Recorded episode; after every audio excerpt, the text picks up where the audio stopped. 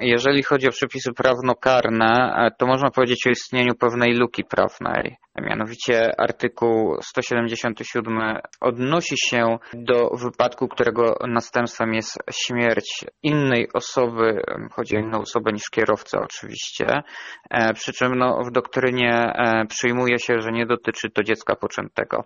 Wynika to z faktu, że przepisy dotyczące dziecka poczętego stanowią pewną odrębną grupę w ramach rozdziału 19 kodeksu karnego. E, stąd też to ograniczenie. No i oczywiście zmiana tego stanu rzeczy e, mogłaby nastąpić, można to sobie wyobrazić potencjalnie w drodze wykładni dokonywanej przez sądy e, albo w drodze ingerencji prawodawcy. Nieco inaczej jest w przypadku odpowiedzialności cywilnej, gdzie, gdzie w przypadku śmierci dziecka poczętego rzeczywiście dopuszcza się i to jest potwierdzone przez e, orzecznictwo Sądu Najwyższego, e, uiszczenie zadośćuczynienia. Mm, natomiast e, znowu e, wykładnia jest dość zawężająca e, w naszej ocenie niesłusznie, ponieważ ogranicza się to do mm, takiego dziecka poczętego, które było już zdolne do samodzielnego życia poza organizmem matki.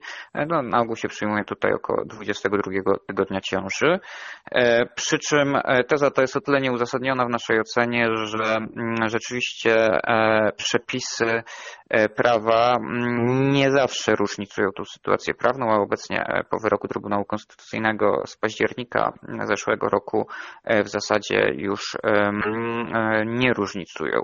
Przykładowo chociażby prawnie dopuszczalny jest pochówek dziecka poczętego bez względu na etap e, ciąży, mm, w jakim by doszło, dajmy na to, do poronienia.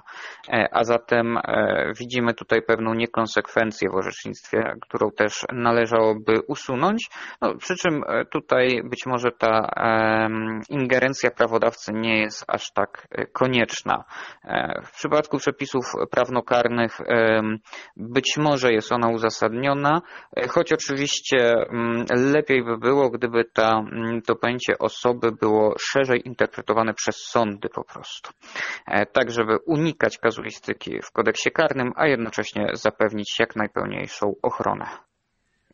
No, oczywiście, że jest taka możliwość. E, wymaga to tylko, e, no, jeżeli chodzi o ingerencję prawodawcy, oczywiście woli politycznej, żeby to e, zrobić.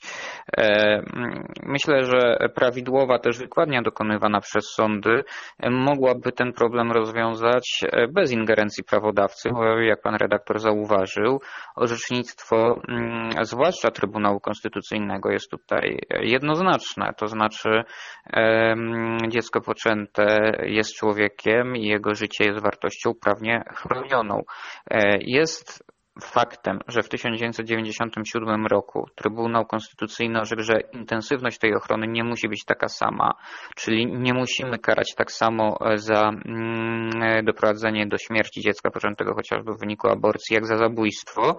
E, natomiast to, że nie musi, to nie znaczy, że nie może.